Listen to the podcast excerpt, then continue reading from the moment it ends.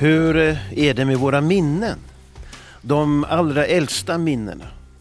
Minns vi dem verkligen? Eller är det sånt som vi hört berättas så länge och så många gånger att det glidit in som egna upplevelser? Ändå tror jag att mitt eget första minne är mitt eget. Det var min och min familjs flytt till Helsingfors från Stockholm. Jag var knappt tre år, det var mitt i vintern och vi var på väg i bil från Åbo till Helsingfors. Den längsta bilresa jag då hade gjort. Jag sitter i min mors famn. Mina syskon finns intill oss. Bilens strålkastare lyser upp en del av en snötäckt vägbana. Jag borrar in mig i min mors päls. Chauffören är en svart skugga. Det talas på främmande språk. Min mors doft och värme Ljudet och lukten av bilen, mina sovande syskon. Intrycken är så starka, inte kan jag bara ha hört talas om det. Det var vintern 1946. Min far skulle bli press och kulturansvarig på den svenska beskickningen i Helsingfors. Det hette så på den tiden. Det var därför vi flyttade från Sverige till Finland. Jag och mina fem syskon. Vi skulle bara stanna några år, hette det. För min del blev det 19 år, hela min barn och ungdom. Ljuvliga ungdom, sjöng Arja Saijonmaa. Och visst var min ungdom ljuvlig. Ett skyddat, privilegierat liv i Salutorget i Helsingfors. Ett slags rikssvenskt Skansen i det finlandssvenska Helsingfors. Jag lärde mig läsa och skriva i Finland på finlandssvenska. Min långa och mödosamma lärda bana började i Kronohagens folkskola. Fast det blev en dramatisk början. För den första dagen blev jag nedslagen på skolgården för jag hade talat rikssvenska, som ju var mitt modersmål. Rikssvenskar, fick jag veta, var fega. De hade inte varit med i kriget. Det här var bara fyra år efter kriget. Då finnarna svalt, kämpade och dog då satt rikssvenskarna helt lugnt och fegt i Sverige och åt limpsmörgåsar med sirap. Det var bara för mig att torka min blodiga näsa och, och börja prata på det här viset så ingen kunde höra varifrån jag kom. Hemma med föräldrar och syskon talade jag rikssvenska och ute finlandssvenska. Jag blev tvåspråkig på svenska. Jag sa att min lärda bana var lång och mödosam. Jag stannade på klassen två gånger, bytte från Lönkan till Lärkan och var 21 år då jag slutligen lyckades ta studenten. Eh, jag säger inte mogenhetsexamen, för särskilt mogen var jag ju inte. Att skolan tog så lång tid berodde nog på att jag hade så mycket annat i huvudet än läxor. Flickor till exempel. Det fanns ingenting vackrare än en klasskamrat iförd rosa eller ljusblå mohair jumperset, ni vet. Om jag sträckte fram handen och nuddade vid hennes mjukhet kunde hon häftigt vända sig om i vrede, så häftigt att hästsvansen slog mig i ansiktet. Och där satt jag saligt leende. Mycket närmare kom man ju inte särskilt ofta. Annat än i drömmen, och drömmar hade jag, inte bara om flickor. Jag drömde tidigt om resor, resor långt bort. Jag bodde vid Salutorget och varje morgon kunde jag se nya fartyg som kommit in i södra hamnen. Och varje natt hörde jag ångvisslan och skramlet från järnvägen i hamnen och på nätterna svepte Sveaborgsfyrens ljusstråle över mitt barnkammartak och ibland hördes en dov ångbåtsvisslas tre brölande signaler. Jag backar min farkost. Ljuden och fyren lockade och drog påminde mig ständigt om att Helsingfors inte var min stad. Finland inte mitt land. Jag skulle flytta, när som helst, hette det. Det dröjde alltså 19 år. Barbara Helsingius sjöng visan om Helsingfors och om dess instängda trista gråhet. Särskilt trist och grå är staden inte längre, men annat var det i min barndom. Finland var ett helt annat land på 40, 50 och början av 60-talet.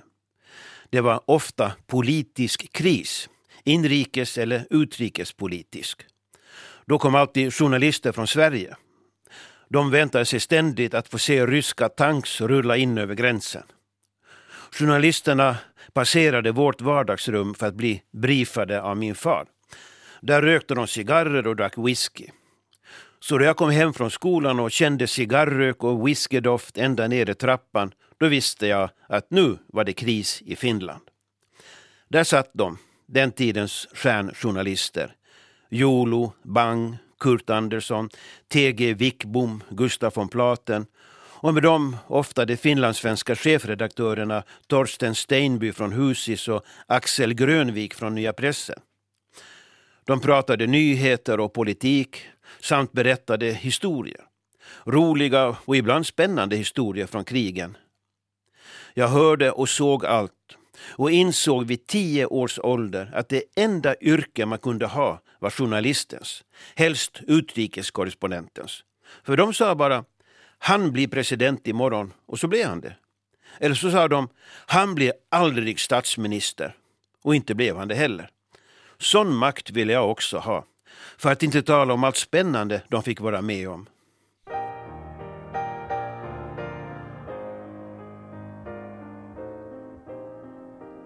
Jag kom tidigt ut i världen, blev utrikeskorrespondent då jag var 25 år.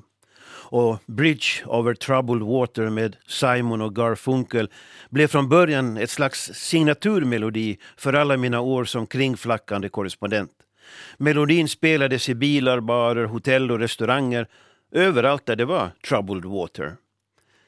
Min första stationering var som korrespondent för Aftonbladet placerad i Prag och med hela det dåtida kommunistiska Östeuropa i mitt bevakningsområde.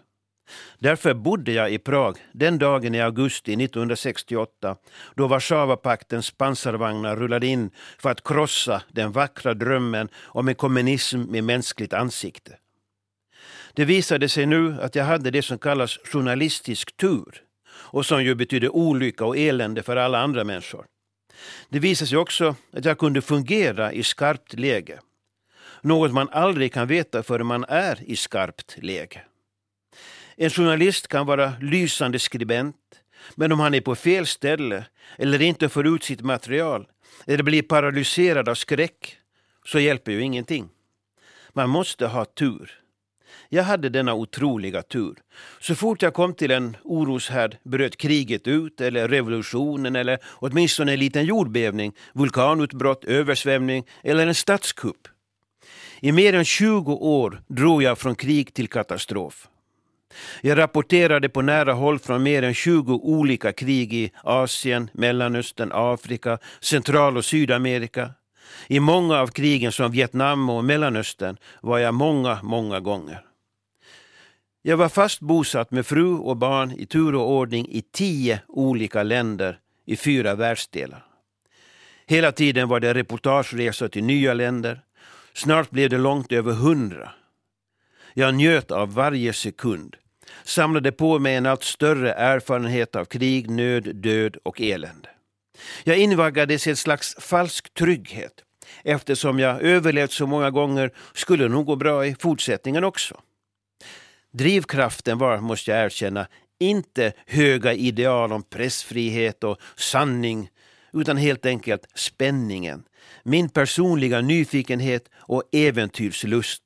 För allt detta belönades jag ju dessutom med löpsedlar, rubriker, första sidor och, och än måste jag erkänna, mycket bra betalning. Och många möten med härliga, spännande, roliga och ibland otroliga människor.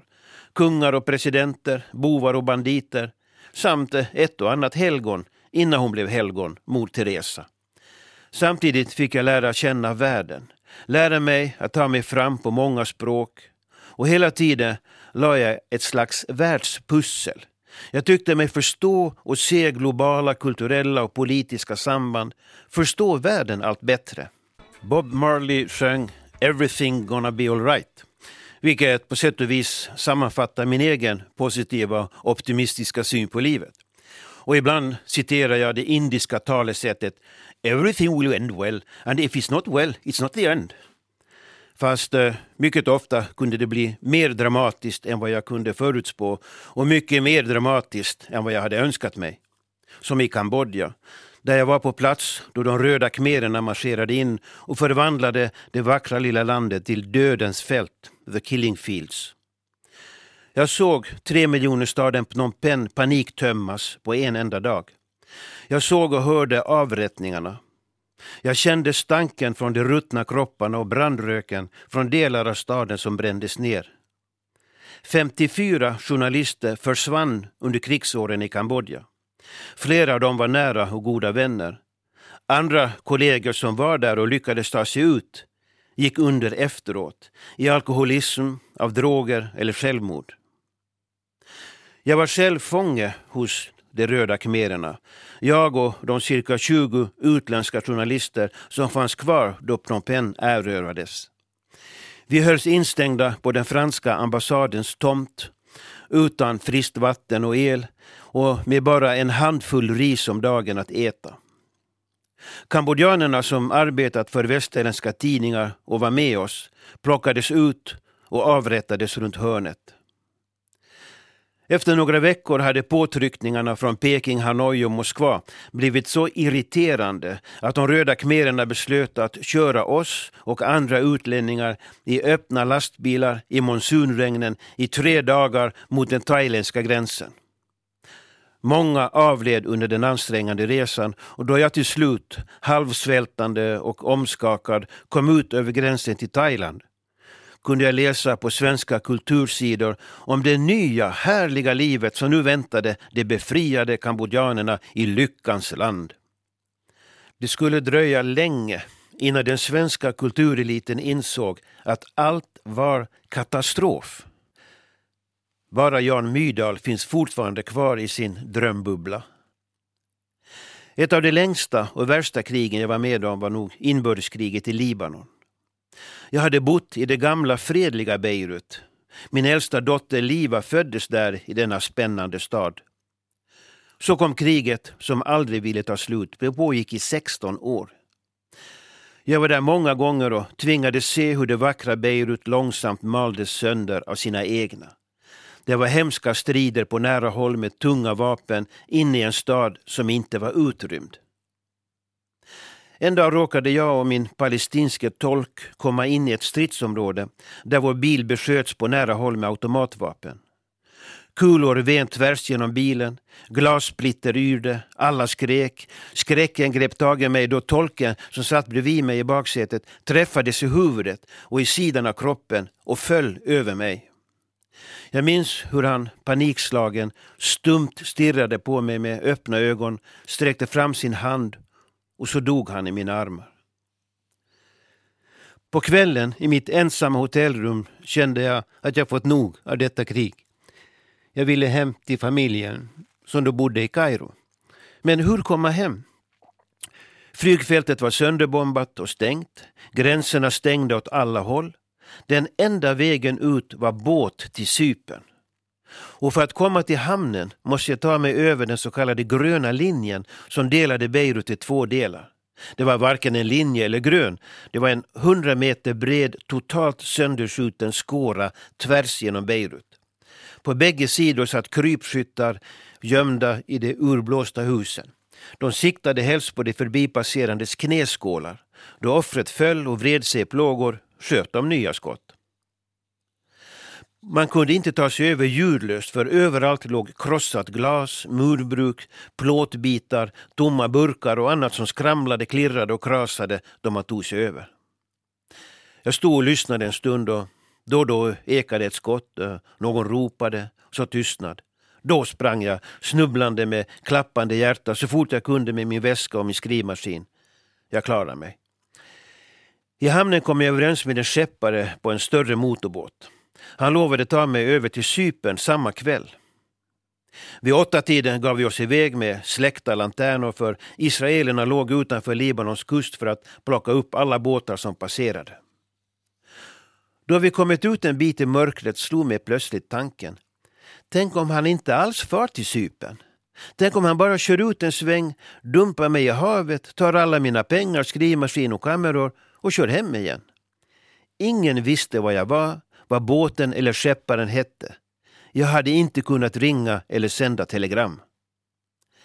Jag greps av panik och ångest. Jag var ju så nära att komma ut, skulle jag nu inte klara det? Skepparen hade lånat mig sin egen hytt högst uppe. Jag låste försiktigt dörren som om det skulle hjälpa. Hela natten satt jag med ett tillhygge i handen en batong jag hade hittat i ett hörn. Jag dåsade, lyssnade på motorsurret. Varje skiftning i ljudet gjorde mig klarvaken. Mitt grepp om batongen hårdnade. Flera gånger tyckte jag att dörrhandtaget vred sig nedåt, men ingenting hände. Tidigt i gryningen såg jag Cyperns vackra berg vid horisonten. Jag var i säkerhet. Antagligen var det jag som betalade hans bensin till Cypern där han förmodligen skulle hämta något betydligt mer värdefullt än en skräckslagen journalist. Sedan dess har jag inte varit i Beirut. Mozarts klarinettkonsert K622 som även numera känns som Out of Africa.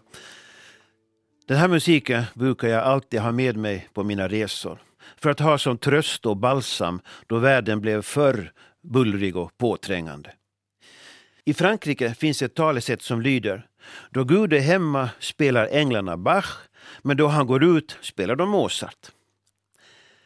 Mina krig slutade vid jultiden 1989 i Madrid. Då var det Rumäniens tur att falla sönder. Diktatorn Ceausescus tid gick mot sitt slut. Jag var då korrespondent för Sveriges Radio i Madrid. Ungefär en vecka före jul ringde Dagens Eko och frågade om jag genast kunde ge mig iväg till Rumänien. Slutet var nära. Självklart, sa jag. Jag var ju specialist på regimer som föll.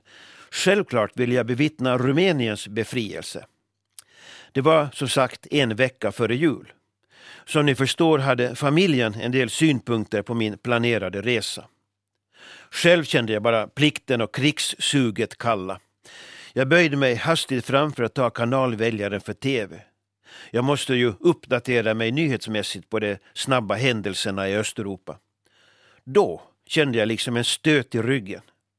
Jag fick mitt livs första ryggskott. Rejält. Ni vet, man, man kan inte gå, inte stå, inte ens borsta tänderna. Och absolut inte åka till kriget i Rumänien. Det var min fru som sände onda ögat i ryggen på mig. Där satt jag hela julen och stirrade på tvn mumlande saker som Har de skickat den där idioten? Ja, ni vet hur generös man kan vara mot sina kollegor ibland. Men då, där i soffan framför tvn, genomfors jag plötsligt av en stilla frid. Jag kände mig som den pensionerade stinsen som sitter på perrongen och ser tågen komma. Där kommer ett tåg, sa han. Det ger jag fan i. Och där kommer ett till. Det struntar jag i. Jag kände för första gången att där kommer ett krig. Det ger jag tusan i. Jag måste inte vara där. Då, för första gången, kom minnet tillbaka från skolgården i Kronohagen och bråket om feghet och om vilka som satt hemma och åt sirapssmörgåsar då finnarna kämpade och slogs. Jag behövde inte längre bevisa någonting för någon. Min kvot för krig var för länge sedan fylld. Jag kunde gå vidare befriad. Och jag vandrade in i historien istället. Precis då jag blev fälld av mitt livs första ryggskott hade jag börjat glida över till att skriva böcker. Och då ringde min förläggare på Norset och sa en dag Jag har en plan för dig. Jaha, vad kan det vara, svarade jag. Jo, jag tycker att du ska skriva Sveriges historia i Grimbergs anda. Jag gapskrattade för just då hade jag skrivit en bok om Spaniens historia och om franska revolutionen. Jag var mycket långt från gånggrifter och hattar och mössor i Sverige. Vi pratade en stund och jag lade på luren. Så slog mig tanken. Det var ju inte en så dum idé faktiskt. Ivrigt satte jag papper i maskinen, man skrev på elektriska skrivmaskiner då. Eh, jag spånade på vad böckerna skulle kunna handla om. Vikingarna, Gustav Vasa, stormaktstiden. Den har jag alltid velat skriva om. Och Gustav III tredje. och om det svenska Finlands historia. Den måste skrivas. Och jag blev allt ivrigare. Inom en timme efter det att vi hade lagt på luren fick han en fax från mig där jag skrev Lysande idé, föreslår sex första titlar Förresten trivs jag inte alls här i Madrid. Jag säger upp mig och flyttar tillbaka till Paris. Där skriver jag bäst. Och Elin trivs inte heller i skolan här. Annat var det i Paris. Min förläggare höll på att få hjärtslag. Han hade nämligen på svenskt vis bara velat plantera en idé. Sen skulle den bollas mellan grupper tills alla var överens. Jag har aldrig fungerat så. Aldrig i grupper heller. Beslut och handling har alltid varit ett för mig. Han hade inte ens hunnit nämna om sitt förslag för sina egna chefer på förlaget. Och nu hade jag redan sagt upp mig och var så gott som på väg till Paris. Men det gick bra. Ett år senare kom den första boken ut. Det skulle bli sammanlagt elva band som sålt i över fyra miljoner exemplar. En god förläggaridé kan man tycka. Den sista delen, den som tagit längst tid att skriva, då Finland var Sverige, utkom förra året. Samtidigt som jag började skriva historieböckerna kom svensk tv med idén om en historieserie. Det skulle bli över 30 program under tio år. Det lär fortfarande finnas historielärare och vikarier som sätter på DVDn med Hermans historia då de inte vet vad de ska ta sig till i klassrummet. Roligt att man kan vara till någon nytta ibland. Av längtan till dig sjöng Kajsa-Stina Åkerström. Längtan har gått som en röd tråd genom hela mitt liv. Ungdomens längtan efter äventyr, kärlek och resor förde mig långt, mycket långt. I våras firade min studentklass i Lärkan 50-årsjubileum. Det är alltså 50 år sedan jag lämnade Helsingfors. Men Helsingfors lämnade aldrig mig. Varje dag kan jag påminnas om min barndomsstad på olika sätt. Jag ser ansikten, bilder, stämningar, röster, sekundsnabba minnen som flimrar förbi. Då jag kom tillbaka första gången efter många års frånvaro såg jag först allt det som inte finns längre. Där på esplanaden låg inte Bioskala, inte Gustafssons kolonialvaruhandel. Där låg inte Bögelunds fotohandel eller Vasenjuska bokhandel. Herman Lindells pappershandel var borta, liksom Kinopalats och Bio KitKat mittemot. Istället hade trottoaren fått värmeslingor. Allt hade blivit så mycket finare, elegantare och ibland bättre, men inte alltid. Där jag som barn klarade mig bra på svenska talar man helst engelska idag. I saluhallen kände jag tanterna i Lindbergs köttdisk och Sibboborna som sålde potatis från sina båtar. Idag kan man äta sushi i hallen och köpa vin i Alkos hallaffär. De drycker som såldes av skummisar vid saluhallen på min tid var sådana man helst skulle undvika. Då fanns det högst ett tiotal restauranger i Helsingfors dit vi som abiturienter kunde gå om vi lyckades ta oss förbi de före detta olympiska brottarna och tyngdlyftarna som var dörrvakter. Det gällde att se allvarlig och vuxen ut, helst iförd hatt och paletå. Idag finns det hundratals restauranger med alla sorters kök i Helsingfors. Hade man då sagt att det kommer en dag då finnar står i kö för att få äta rå fisk med kallt ris med pinnar, så hade man nog blivit sänd till Nickby sinnessjukhuset i Sibbo. Idag, vid en ålder då de flesta dragit sig tillbaka matande duvorna, finner jag att jag fortfarande har denna starka längtan i mig efter äventyr och resor. Många äventyr har jag upplevt, mycket har jag rest. Är jag framme nu? Starkast är ändå kärleken. Utan kärlek kan man inte leva. Mycket kärlek har jag fått och gett. Det är kärleken som gjort att jag överlevt, orkat och gått vidare, skrivit 58 böcker och fortsätter att skriva och skapa. Längtan och kärlek har fyllt hela mitt liv. Den himmelstormande kärleken, den som får en att släppa allt, den finns. Den tillhör inte alls de mycket unga. Den kommer för vem som helst i alla åldrar, när som helst. Det vet jag. Därför är den också så farlig och ljuvlig men samtidigt skoningslös. För det är nästan alltid någon som drabbas. Kärleken finns där för dem som vågar ta språnget. Det är aldrig för sent, tro mig. Men möjligheten till den stora förändringen kommer kanske aldrig tillbaka. Vi lever så kort tid här på jorden Döden kommer alltid för tidigt, men varar så förfärligt länge. Därför måste man leva och njuta av livet så länge man kan röra på sig. Sen är allt för sent. Det finns en sång som beskriver denna kärlek bättre än de tusentals visor och slagers som försöker beskriva kärlek. Jag brukar kalla den för kärlekens nationalsång. Hymn à l'amour med Edith Piaf. Hon vet bättre än någon annan vad riktig kärlek vill säga. Så levde hon och så dog hon. När hon sjunger den dramatiska texten hör man att hon menar det, varje ord. Sången kommer direkt ur hjärtat. Hon sjunger att himlen må störta ner, jorden rämna. Vad spelar det för roll, bara du älskar mig? Då kärleken dränker mina mornar, då dina händer får min kropp att skälva, då struntar jag i alla problem. Jag skulle gå till världens ände. Jag skulle färga mitt hår blont om du begärde. Jag skulle ta ner månen, stjäla en förmögenhet. Jag skulle förråda mitt fosterland, överge mina vänner om du bad mig om det. Om du rycks ifrån mig, då dör jag också. Gud förenar dem som älskar. Tack för att ni har lyssnat på mig. Herman Lindqvist heter jag. Nu kommer Edith med Ymn Alamor.